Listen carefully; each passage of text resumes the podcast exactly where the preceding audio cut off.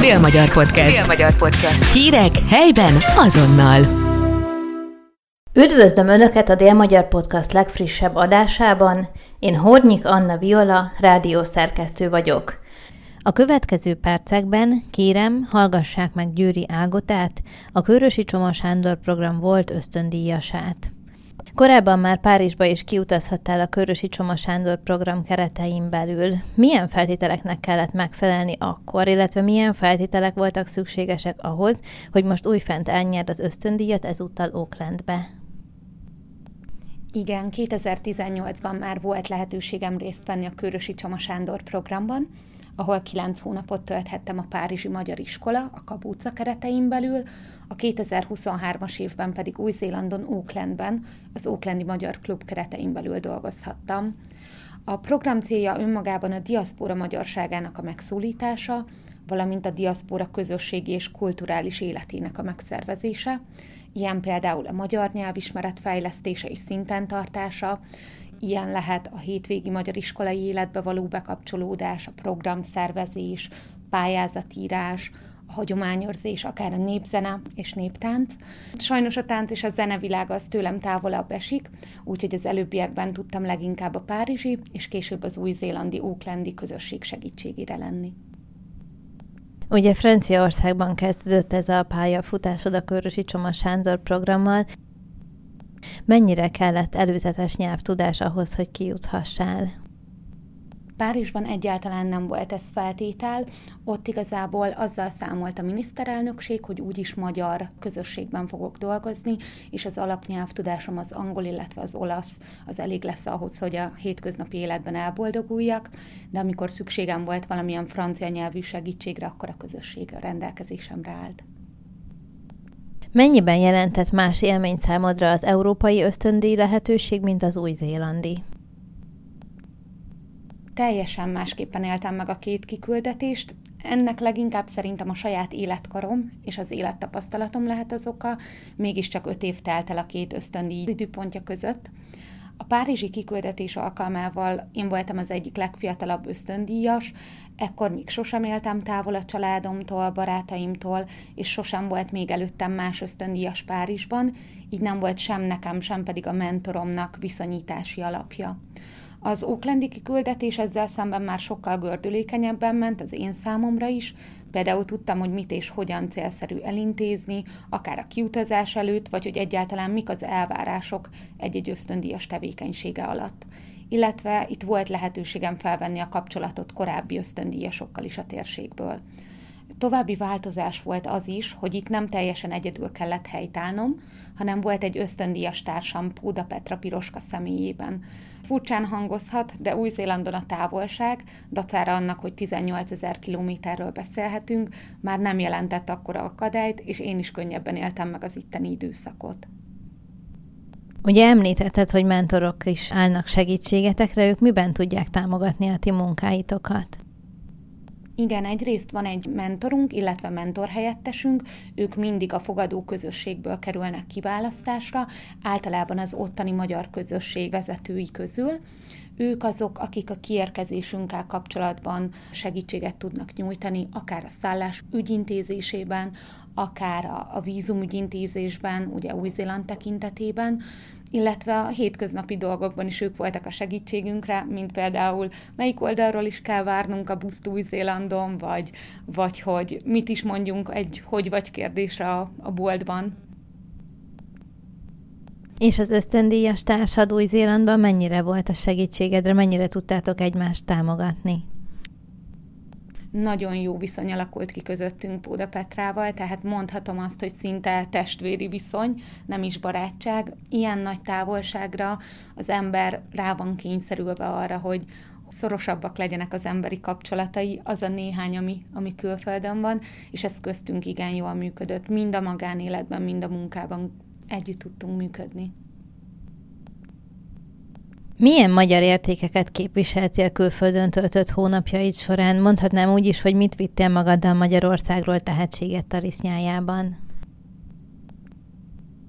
Hát elsősorban Új-Zélandot szeretném kiemelni, az mégiscsak frissebb élmény. Nehéz saját magáról az embernek véleményt alkotnia, de hogyha valamit ki kellene emelnem, akkor az az a szemléletmód, amely során a fiatalokat szerettük volna megszólítani, többségében azokat, akik kalandvágyból vagy munkalehetőség miatt külföldre költöztek. Személyes véleményem szerint ők sokkal inkább rá vannak arra szorulva, vagy sokkal inkább vevők arra, hogy egy közösségi programon részt vegyenek, ellenben azokkal, akik családosan érkeznek ki, vagy akár magyar párral, ők könnyebben megtalálják szerintem a saját közösségüket. És milyen volt Kabóca tanárként és programszervezőként tevékenykedni jogtudományi háttérrel Párizsban? Hát ugye 2018-ban végeztem a Szegedi Tudományegyetemen a Nemzetközi Tanulmányok alapképzésen, és először azt gondoltam, hogy ez a Körösi Csoma Sándor programos munkásságomra nem lesz semmilyen előnyel vagy hátrányjal, viszont az idő folyamán kiderült az, hogy, hogy tudtam hasznosítani az itt tanultakat, legyen szó akár csak magáról a, a kitartásról, amit az egyetem adott, vagy hogyha szakmai szemmel nézem, akkor a pályázatírást tudom kiemelni. Volt-e valamilyen tanári előéleted, mielőtt Kabóca tanárként elkezdtél tevékenykedni? Kifejezett tanári előéletem nem volt, viszont volt egy lovas tábor, aminek a szervezésében évekig részt vettem, és ezzel a, ezzel a tapasztalattal a Tarisznyámban indultam el, ahogy te fogalmaztál. Említetted, hogy pályázatokat is kellett írnod. Mikről szóltak ezek a munkák? A Betlen Gábor alappályázataira jelentkeztünk leginkább, illetve Új-Zélandon már arra is volt lehetőség, hogy az ottani kormány által biztosított támogatásokra pályázzunk. Hogyan tudtad hazajöveteletkor hasznosítani a Párizsban megszerzett tudást? Hát igazából mindkettő utazásról azt mondanám, hogy rengeteget adott az életemhez. A párizsi abból a szempontból talán többet, hogy az volt az első utam, de egyébként mind a kettő út során a saját identitásom is megerősödött, illetve az utazások miatt sokkal könnyebben alkalmazkodom az életemben, és minden változáshoz, vagy, vagy akár azt is állíthatom, hogy életre szóló emlékek és barátságok kötnek mind a két állomás helyre. Én nagyon szerencsésnek gondolom magam abban a tekintetben, hogy mind a két alkalommal egy olyan közösséggel tudtam együtt dolgozni, és olyanokkal hozott össze a sors, akikkel öröm volt időt tölteni, és nem pedig csak feladat. Mennyi időt töltöttél kint az egyes városokban? Franciaországban, Párizsban összesen 9 hónapos volt a kiküldetés, ezzel szemben a világ déli felén, déli féltekén ott 8 hónapos a kiküldetés, tehát Új-Zélandon ennyit. És ha már az élményeket említed, akkor milyen emlékezetes pillanatokat tudnál kihangsúlyozni az ott töltött időből? Nehéz egy-egy élményt kiemelni, de hogyha az Oaklandben töltött időszakra gondolok, akkor a legkedvesebb élményem a, az általam szervezett kocsmakvíz volt, ahol 30-an mérkőztek meg egymással a közösség tagjai, illetve hogyha olyan élményt is kiemelhetek, ami nem feltétlenül az állomás helyemre kötődik, akkor a fővárosi Wellingtoni rendezvényt szeretném megemlíteni. Ez egy októberben tartott magyar fesztivál volt, mindenféle magyaros programmal, amit a, hallgatók el tudnak képzelni, ilyenek a magyar ételek, italok, akkor Rubik kocka verseny, vagy például a bátrabbak tőlem karikás ostorozás sajátíthattak el, vagy például a nagykövetség által felállított pályát vehették birtokba. Ezen a rendezvényen több mint 500 fővel vettünk részt, vagyis hát több mint 500-an vettek részt rajta, és talán ez volt a legnagyobb szabású rendezvény, amit eddig életem során kellett menedzselnem, vagy segítséget kellett benne nyújtanom, és emellett pedig az idén, február 17-én Oaklandben is hasonló tematikával készül egy rendezvény, annak is az előkészületeiben részt vettem. Mi ez a rendezvény, aminek az előkészületeit említetted? Ez a február 17-én Oaklandben zajló rendezvény egy magyar fesztivál lesz, mindenféle magyar programmal, táncházzal, magyar élőzenével, különböző árusokkal, magyar portékákkal, úgyhogy ez az ottani óceániai közösség egyik legnagyobb szabású magyar rendezvénye lesz. Most kanyarodjunk vissza egy kicsit Párizshoz. Itt mit tudnál kihangsúlyozni, mint legkedvesebb élményedet? Párizsban az egész közösségszervezés, az egész kilenc hónap egy hatalmas élmény volt és utazás. Ott, amire hangsúlyt fektettünk a mentorommal, az az volt, hogy az ottani kabúcás, azaz magyar iskolás gyerekeknek egy olyan közösséget szervezhessünk, ahol jól érzik magukat, és egyáltalán szívesen részt vesznek a programokon. Úgyhogy ott minden hétvégi magyar iskolai nap egy, egy külön-külön kis szép élmény volt. Talán ami, ami az egyik legjobban sikerült rendezvény volt, az Varó Dánielnek egy önálló zenés estje volt a Párizsi Magyar Intézetben, és az azon résztvevők visszajelzései alapján az volt talán az egyik legkedvesebb élmény. A franciákról elterjedt, hogy nem nagyon kedvelik azokat, akik nem folyékonyan beszélik a nyelvüket. Te ezt mennyire tapasztaltad? Igazából hasonló élményeim vannak, tehát ez, ez valamilyen szinten igaz, de leginkább én csak a párizsiakról tudok beszélni. A vidéken nem tapasztaltam hasonlót, ott, ott ugyanúgy segítőkészek az emberek, mint akár itt, de nyilvánvalóan egy fővárosban nincs erre idő, ott akkor gyorsabb, hogyha az eladók átváltanak angolra, praktikusabb nekik, én pedig saját magam szórakoztatására otthon gyakorolhattam a nyelvet. Ösztöndíj adatlapodon megfogalmaztad az oaklandi kiutazás kapcsán, hogy szeretnéd segíteni a kintiek identitás tudatának megőrzését és erősítését. Hogy látod, sikerült megvalósítani ezt a célodat?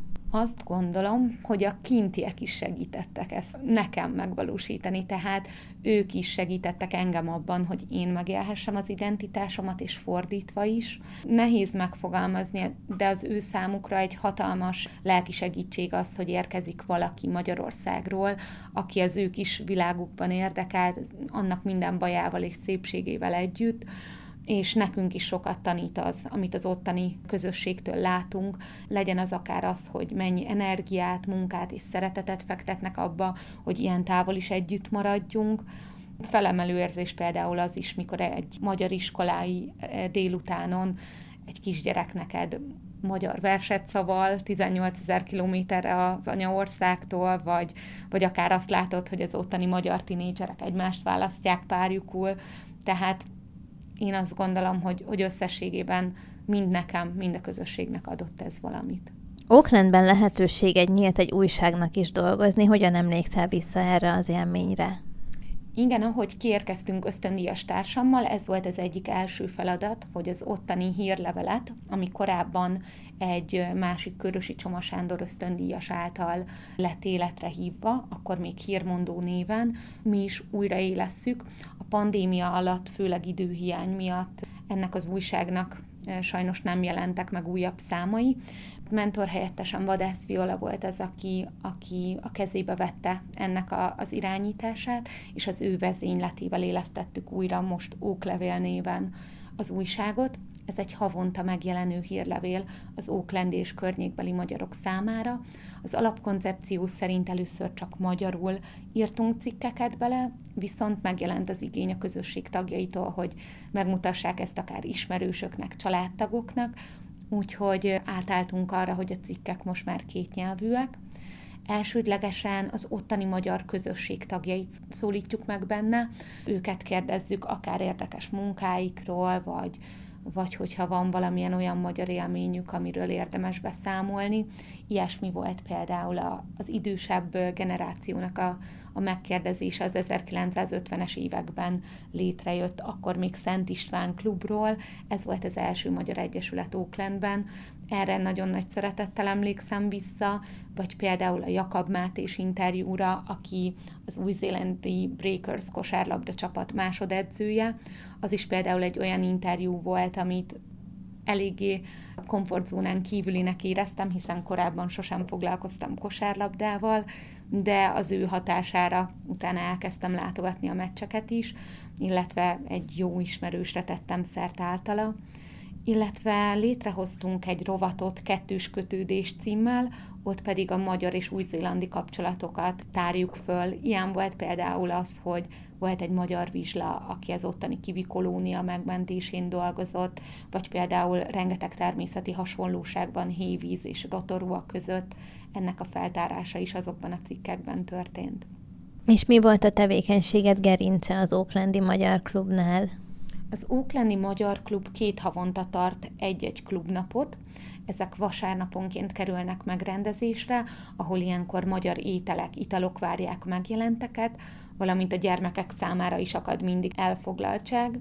Ösztöndíjas társam Púda Petra néhányszor táncházra invitálta a tagjainkat, illetve volt alkalom, ahol kvízjátékot tartottunk, azonban magának a klubnapnak a tematikája leginkább a magyar ünnepkör és emléknapok köré szerveződik. Emellett a klub számos egyéb rendezvényel is készül a közösségnek, ilyen volt például a gyermeknap, ahol hét állomást végigjárva a gyerekek vattacukrot nyerhettek, vagy a Magyar Népmese napja alkalmából rendezett mese délután, de említhetném a legutóbbi programot, ami a Mikulás napi piknik és közös túrázás volt. Elég széles a paletta, hogy mindenki megtalálhassa a számára tetsző elfoglaltságot, emellett pedig a munkám része volt a korábban említett Óklevél, az Óklend és környékbeli magyarok újsága. Illetve a hétvégi magyar iskolát kell még megemlítenem, az Auskolát, aminek a keretein belül tanítói tevékenységet kellett végeznem. Erre minden hónapban egy-egy hétvégi napon került sor, és büszkélkedve jelenthetem, hogy több mint 40 gyermek látogatja a foglalkozásainkat, amelyek korcsoportokra bontva zajlanak. Mit tanítottál ebben az iskolában? a különböző korcsoportoknak eltérő módszerekkel, de ugyanazt a magyar nyelvnek a használatát, és leginkább a szövegértés volt az, amire hangsúlyt fektettünk, az az alapja az egész nyelvtanulásnak, véleményem szerint. És mennyire volt nehéz egy külföldön élő diaszpórában tanítani a magyar nyelvet? Mondjuk egy magyar ember a szövegértésre jobban fogékony, mint egy diaszpórában élő magyar nem gondolom, ez inkább azon múlt, hogy otthon a családi közegben mi az a nyelv, amit alapvetően használnak. Nagyon-nagyon változatos volt a nyelvtudás szintje a gyermekek között. És hogyan kell elképzelni egy Mikulás napi pikniket? Hát ez nagyon furcsa lehet az itteniek számára, mert ott hétágra süt a nap, csiripálnak a madarak, és barbecueznak az emberek a tengerparton, vagy utcánparton, úgyhogy nagyon más képet fest, mint az itteni Mikulás ünnepségek.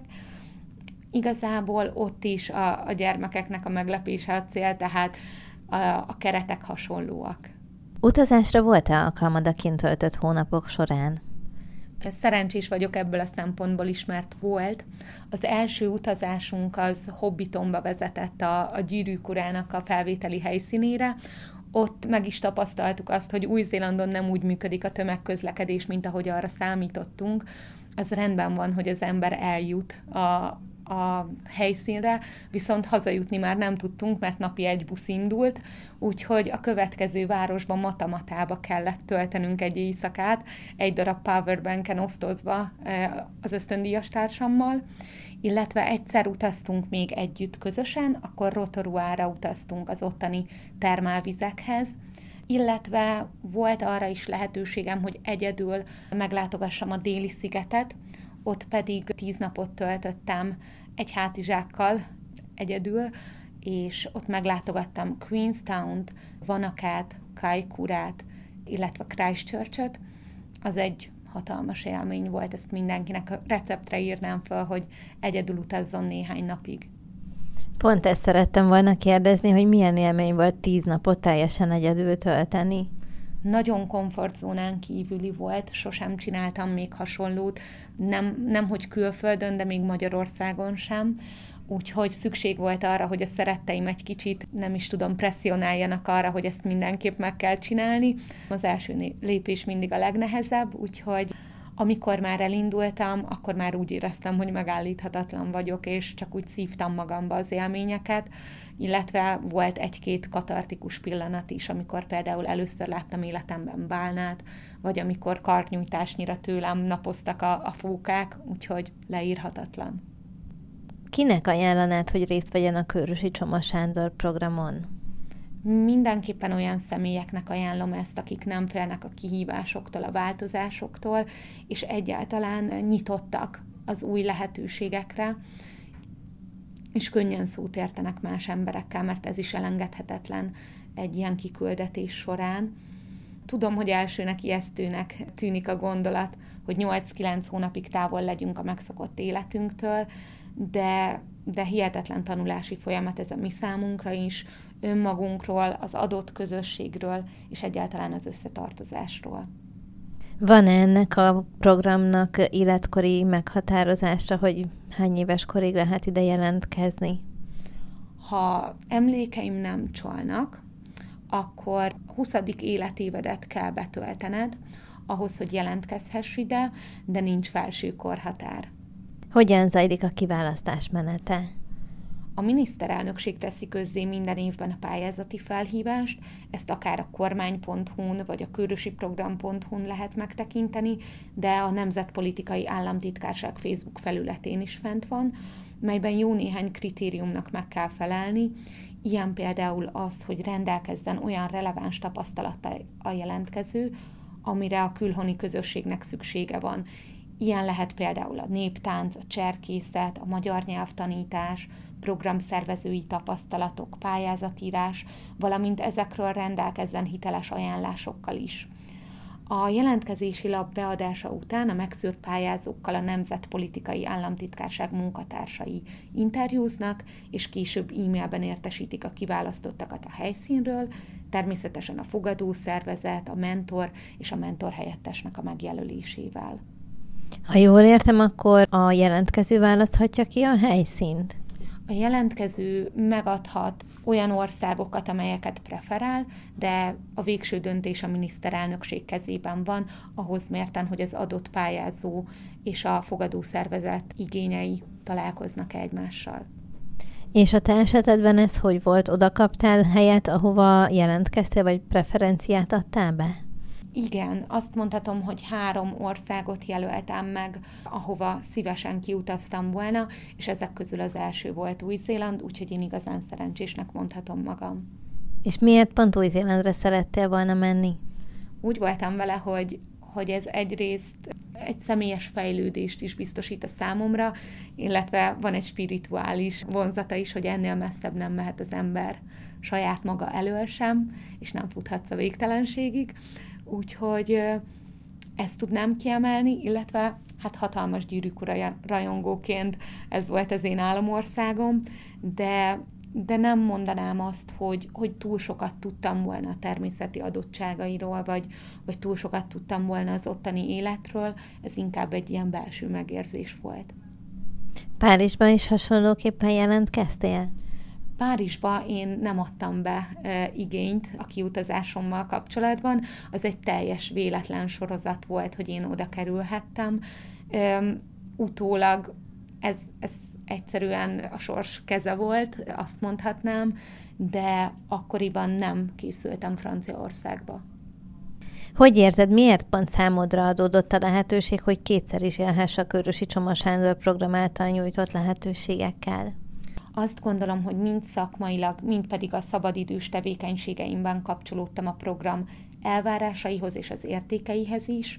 A párizsi időszak után csatlakoztam a szegedi székhelyű motiváció műhely munkájába is, ahol hátrányos, valamint halmozottan hátrányos helyzetű gyermekek számára hátránykompenzációt nyújtottunk, illetve tanodaprogramot.